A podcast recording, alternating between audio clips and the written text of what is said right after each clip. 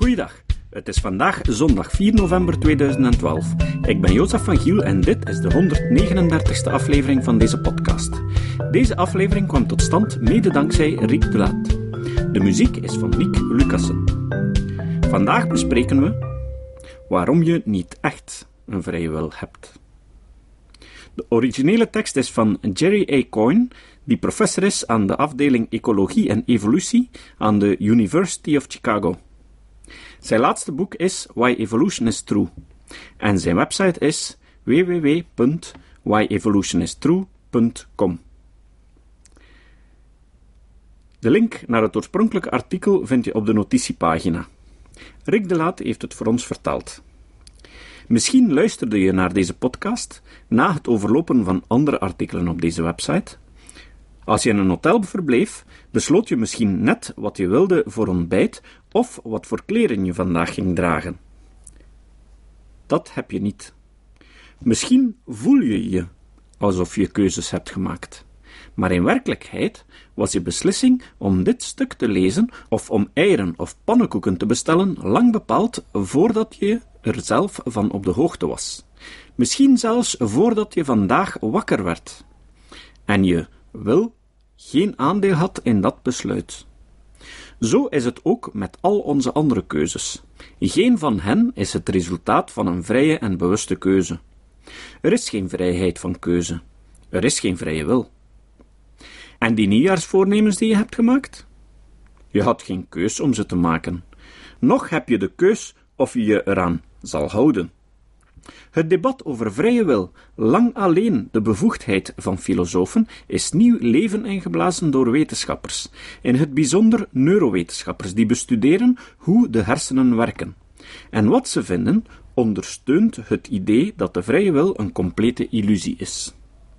De vraag of we een vrije wil hebben is geen ingewikkeld academisch debat meer over filosofie, maar een cruciale vraag waarvan het antwoord ons op vele manieren zal beïnvloeden hoe we morele verantwoordelijkheid toekennen, hoe we criminelen gaan straffen, hoe we denken over onze religie en, het belangrijkste, hoe we onszelf zien als autonoom of als automaat.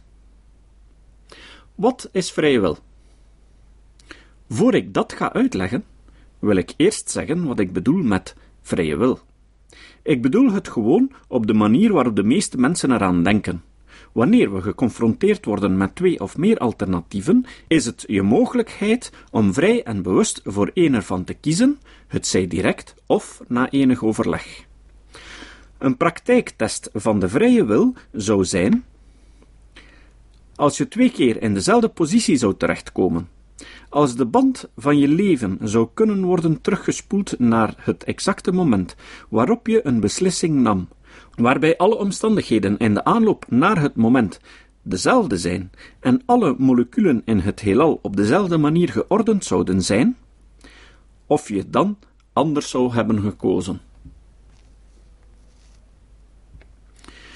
Nu is er geen manier om de band van je leven terug te spoelen om te zien of je echt andere keuzes kan maken in volledig identieke omstandigheden.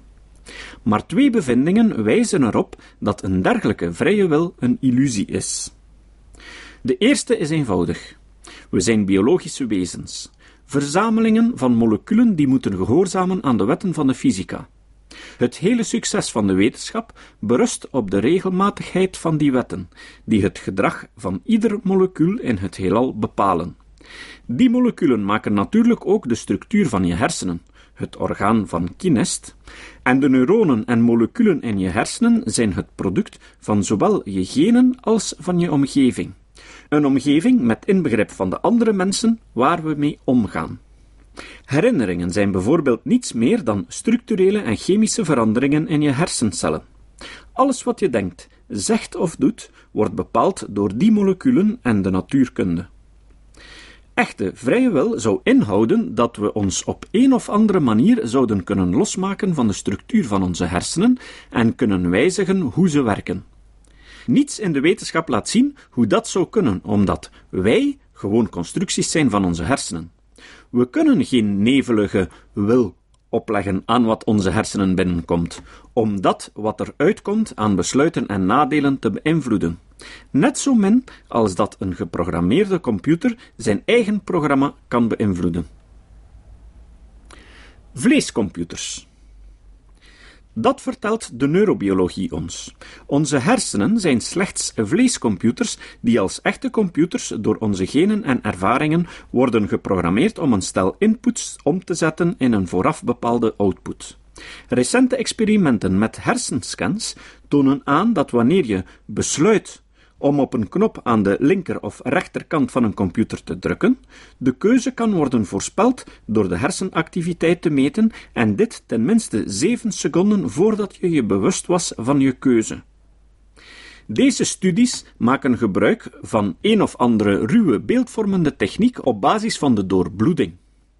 Ik vermoed dat toekomstige inzichten in de hersenen ons zullen toelaten om veel van onze beslissingen veel eerder dan zeven seconden op voorhand te voorspellen. Die beslissing werd niet bewust genomen. Als onze keuzes onbewust zijn, met sommige ervan al vastgelegd voordat we dachten dat we ze namen, dan hebben we in geen enkele betekenisvolle zin een vrije wil. Psychologen en neurowetenschappers tonen ook aan dat de ervaring van wil zelf een illusie kan zijn die de evolutie ons heeft gegeven om onze gedachten, die voortvloeien uit onbewuste processen, en onze daden, die ook het gevolg zijn van onbewuste processen, met elkaar te verbinden. We denken dit omdat ons gevoel van iets te willen doen door middel van hersenstimulatie een psychologische aandoening of psychologische experimenten kan worden gewijzigd, opgewekt of zelfs geëlimineerd. De onontkoombare wetenschappelijke conclusie is dat, hoewel we het gevoel hebben dat we personages zijn in het spel van ons leven, die zelf al spelend hun rol herschrijven, we in werkelijkheid marionetten zijn die een script uitvoeren, geschreven door de wetten van de fysica.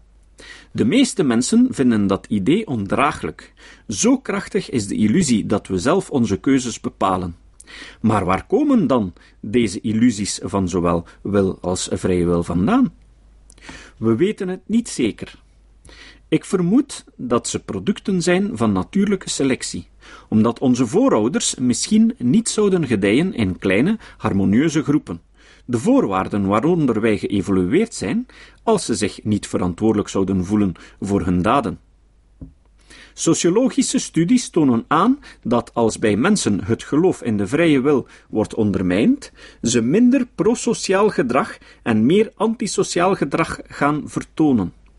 Veel wetenschappers en filosofen accepteren nu dat onze daden en gedachten inderdaad door fysische wetten worden bepaald.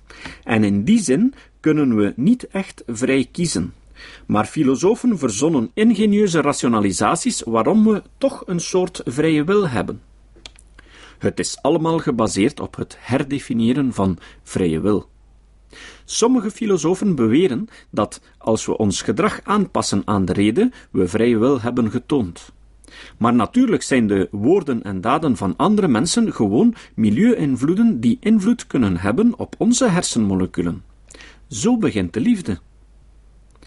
Andere filosofen beweren dat als we misschien niet in staat zijn om onze daden te kiezen, we ervoor kunnen kiezen om onze daden te weigeren. Met andere woorden, we hebben geen vrije wil, maar wel een vrije wil niet. Maar vanuit het oogpunt van de fysica is een actie doen of niet doen precies hetzelfde. In feite gebeurt dat in dezelfde gebieden van de hersenen. Tot slot beweren sommige mensen dat we een vrije wil hebben als onze daden in overeenstemming zijn met onze persoonlijkheid en ons gedrag in het verleden. Maar dat zegt niets over de vraag of we onze daden kiezen. Alleen dat onze genetische opbouw en omgevingsfactoren onze daden op een consistente manier beïnvloeden. Zoals Sam Harris schreef in zijn boek Vrije Wil, komen alle pogingen om het determinisme van de natuurkunde te harmoniseren met vrijheid van keuze neer op beweringen dat een marionet vrij is in zoverre hij van zijn daden houdt. Zo niet, wat dan? Als we dan geen vrije wil hebben, wat kunnen we dan doen? Eén mogelijkheid is toegeven aan een wanhopig nihilisme en gewoon stoppen met iets te doen. Maar dat is onmogelijk, want ons gevoel van persoonlijke keuzevrijheid is zo overweldigend dat we geen andere keus hebben dan te doen alsof we kiezen en verder gaan met ons leven. Iedereen heeft immers af te rekenen met het onverkwikkelijke feit van zijn eigen sterfelijkheid en doet dat meestal door het te negeren in plaats van er obsessief over te piekeren. Er zijn twee belangrijke manieren waarop we met de afwezigheid van vrije wil moeten omgaan. Eén daarvan is de religie. Veel religies doen beweringen die steunen op de vrije keuze. Evangelische christenen zijn bijvoorbeeld van mening dat diegenen die Jezus niet vrijelijk verkiezen als hun verlosser, naar de hel gaan. Zonder vrije keuze zijn deze religieuze leerstellingen en het bestaan van een onstoffelijke ziel zinloos en wordt het postmodern lot van alle gelovigen Calvinistisch bepaald door omstandigheden waarover ze geen controle hebben. Maar het belangrijkste probleem is dat van de morele verantwoordelijkheid. Als we niet echt kunnen kiezen hoe we ons gedragen, hoe kunnen we mensen dan als moreel of immoreel beoordelen? Waarom nog criminelen straffen of weldoeners belonen? Waarom iemand verantwoordelijk houden voor zijn daden als die daden niet vrij gekozen zijn? We houden al rekening met dit probleem door de verschillende behandelingen van misdadigers, als we denken dat hun misdaden het gevolg zijn van een vermindering van hun keuze door factoren zoals psychische stoornissen, verminderde toerekeningsvatbaarheid of hersentumoren die agressie veroorzaken. Maar in feite verschilt de verantwoordelijkheid van die mensen niet van die van de gewone misdadiger die iemand in een drugsoorlog doodschiet. In dat geval is de fysische oorsprong van zijn daad alleen maar minder duidelijk te omschrijven. Maar we moeten doorgaan met straffen, want dat zijn omgevingsfactoren die van invloed kunnen zijn op de hersenen van niet alleen de crimineel zelf, maar ook van andere mensen. Het zien van iemand die in de gevangenis wordt gezet, of zelf in de gevangenis gezet worden, kan je veranderen op een manier die het minder waarschijnlijk maakt dat je je in de toekomst slecht gaat gedragen. Zelfs zonder vrije wil kunnen we nog steeds gebruik maken van straf om slecht gedrag af te schrikken, de samenleving te beschermen tegen criminelen en betere manieren vinden om ze te rehabiliteren. Wat niet gerechtvaardigd is, is wraak of vergelding. Het idee om misdadigers te straffen voor het maken van de verkeerde keuze. En goed gedrag moeten we blijven belonen, want dat verandert hersenen op een manier die meer goed gedrag bevordert. Er zijn niet veel nadelen verbonden aan het opgeven van de notie van de vrije wil. Het is hoe dan ook onmogelijk om te handelen alsof we hem niet hebben. Je doet alsof je nieuwjaarsvoornemens maakt en de wetten van de fysica zullen bepalen of je ze zal houden. En er zijn twee positieve kanten aan. De eerste is je bewust worden van het grote wonder van het mysterie van onze geëvolueerde hersenen en het inzien dat dingen zoals bewustzijn, vrije keuze en zelfs het idee dat ik slechts overtuigende, door natuurlijke selectie gevormde illusies zijn. Verder zal het verlies van vrije wil ons empathischer maken, want we beseffen dat wij uiteindelijk allemaal, of we nu Marc Dutroux of Nelson Mandela heten, het slachtoffer zijn van omstandigheden, van degenen die ons werden toebedeeld en de omgeving die we tegenkwamen. Met dat in het achterhoofd kunnen we aan een vriendelijker wereld gaan bouwen. Wikipedia heb je je al eens afgevraagd of je misschien zelf een bijdrage kan leveren aan het wegwerken van bijgeloof en pseudowetenschap uit de wereld? Wel, een goede plaats daarvoor is misschien wel Wikipedia. En dan bedoel ik niet door regelmatig dingen op te zoeken op deze online encyclopedie om uit te vissen of iets wat je altijd gedacht hebt wel juist is. Ik ga ervan uit dat je dat nu al doet. Nee, nee, ik bedoel namelijk zelf bijdragen aan artikelen leveren. En je kan het op een zeer bescheiden manier doen, door hier en daar een aanpassing te maken, maar je kan het ook helemaal uit de hand laten lopen door zelf volledig nieuwe artikelen te schrijven en fundamentele aanpassingen te verrichten. In ieder geval, denk niet te snel dat je geen enkele expertise hebt om bij te dragen aan Wikipedia. Iedereen heeft wel één of ander onderwerp waarin hij bedreven is. En door artikelen uit anderstalige versies te vertalen, help je ook al een heel stuk. In ieder geval is er nood aan meer kritische geesten op de Nederlandstalige versie van Wikipedia. Je moet maar eens de overlegpagina van het lemma chakra erop nalezen. Met enkele sceptici hebben we geprobeerd om er een klein hoofdstuk aan toe te voegen om duidelijk te maken dat de gezondheidsclaims weliswaar belangrijk zijn vanuit historisch oogpunt, omdat de notie van chakra pertinent aanwezig is in de oude traditionele Indische geneeskunst, maar dat het begrip door de moderne medische wetenschap volledig achterhaald is en incompatibel met de anatomie. Enkele New Agers hebben zich daar zeer hevig tegen verzet. Misschien wel omdat sommige financiële belangen hebben bij het verkopen van onzin rond chakras. Hoe ga je te werk? Heel simpel. Iedereen kan een artikel op Wikipedia wijzigen. Je hoeft gewoon bovenaan de pagina op de tab Bewerken klikken en je bent vertrokken. Het schrijven maakt gebruik van enkele speciale tekens om het tekstformaat te beïnvloeden en links aan te geven.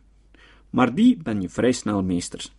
Eventueel kan je eens de snelcursus lezen, waarvoor je een link op de notitiepagina's van deze aflevering vindt, of dat je kan bereiken via de linkermenu op elke Wikipedia-pagina onder Informatie Snelcursus. Om iets te wijzigen hoef je verder niets te doen. Alle wijzigingen worden bijgehouden in de geschiedenis. Je kan het dus niet om zeep helpen. In geval van nood kan je de vorige pagina terugzetten. En als dat niet lukt, dan zal er altijd wel iemand anders dat in jouw plaats doen. Het systeem houdt ook bij wie wat gewijzigd heeft. Maar het zou beter zijn als je jezelf eerst een gebruikersnaam geeft. Daarvoor is er rechtsboven een link om je eigen account te maken. Je mag gerust een pseudoniem gebruiken. Het gebruiken van een accountnaam heeft zo enkele voordelen. Doordat je geregistreerd wordt voor elke bijdrage, kan je autoriteit opbouwen, zodat er in verdere discussies meer met je mening rekening gehouden wordt. Wie weet, word je zo enthousiast dat je je laat verkiezen tot moderator. Nog een voordeel van een accountnaam hebben is dat je op je eigen accountpagina bepaalde artikels kan opvolgen en op die manier vaststellen wanneer er wijzigingen aan aangebracht worden. En zo kan je zelf controleren of je wel akkoord bent met de gemaakte wijzigingen. Sommige lemma's worden vergrendeld voor wijzigingen door iedereen, omdat het lemma te veel te maken krijgt met vandalisme. De lichtste vorm van vergrendeling bestaat erin dat alleen geregistreerde gebruikers wijzigingen kunnen aanbrengen, en je dus niet anoniem wijzigingen kunt aanbrengen. Zo is het lemma Charles Darwin op dit niveau vergrendeld. Maar dat zal je waarschijnlijk niet verbazen. Ten slotte is het altijd verstandig om bij wijzigingen die inhoudelijk belangrijk zijn, eerst even op de overlegpagina je voorstel te plaatsen. Het spreekt voor zich dat dat voor spellingscorrecties niet noodzakelijk is. Je kan ook eerst je wijziging doorvoeren en daarna in de overlegpagina uitleggen waarom je die gedaan hebt. Als je dat gedaan hebt, moet je ondertekenen. Daarvoor moet je vier tildes na elkaar zetten. Een tilde dat zo'n golfje, zoals je soms boven de N ziet in Spaanstalige teksten. Bij het opslaan van je tekst vult Wikipedia daar automatisch je accountnaam en het tijdstip van wijziging in. Mocht je al een ervaren Wikipediaan zijn, weet het me te vertellen. Als er nog eens zo'n zware discussie is, kunnen we misschien samen het verschil maken. Het citaat. Het citaat van vandaag is van Richard Feynman, de grote fysicus en medegrondlegger van de kwantumfysica, waarover ik vroeger al een paar keer sprak. Feynman zei: Als het niet overeenkomt met de experimenten, is het verkeerd. Die eenvoudige stelling is de sleutel van de wetenschap. Het maakt geen enkel verschil hoe prachtig je gok ook is, hoe intelligent je bent, wie de gok maakte of wat zijn naam is. Als het niet overeenkomt met de experimenten, is het fout. Dat is het enige dat erover te zeggen is. Tot de volgende keer. Dit was de podcast Kritisch Denken. Vergeet niet om alles kritisch te behandelen, ook deze podcast. Voor verdere informatie over deze podcast, links en voor de tekst, surf naar www.kritischdenken.info. Als je deze podcast belangrijk vindt, kun je me steunen door anderen warm te maken ook eens te luisteren. Stuur een e-mail naar vrienden met een link naar de website en plaats de link in de handtekening van je e-mails. Tevens kun je op iTunes deze podcast een beoordeling geven of een recensie schrijven. Of je kan op je eigen website of blog een link naar kritisch denken plaatsen.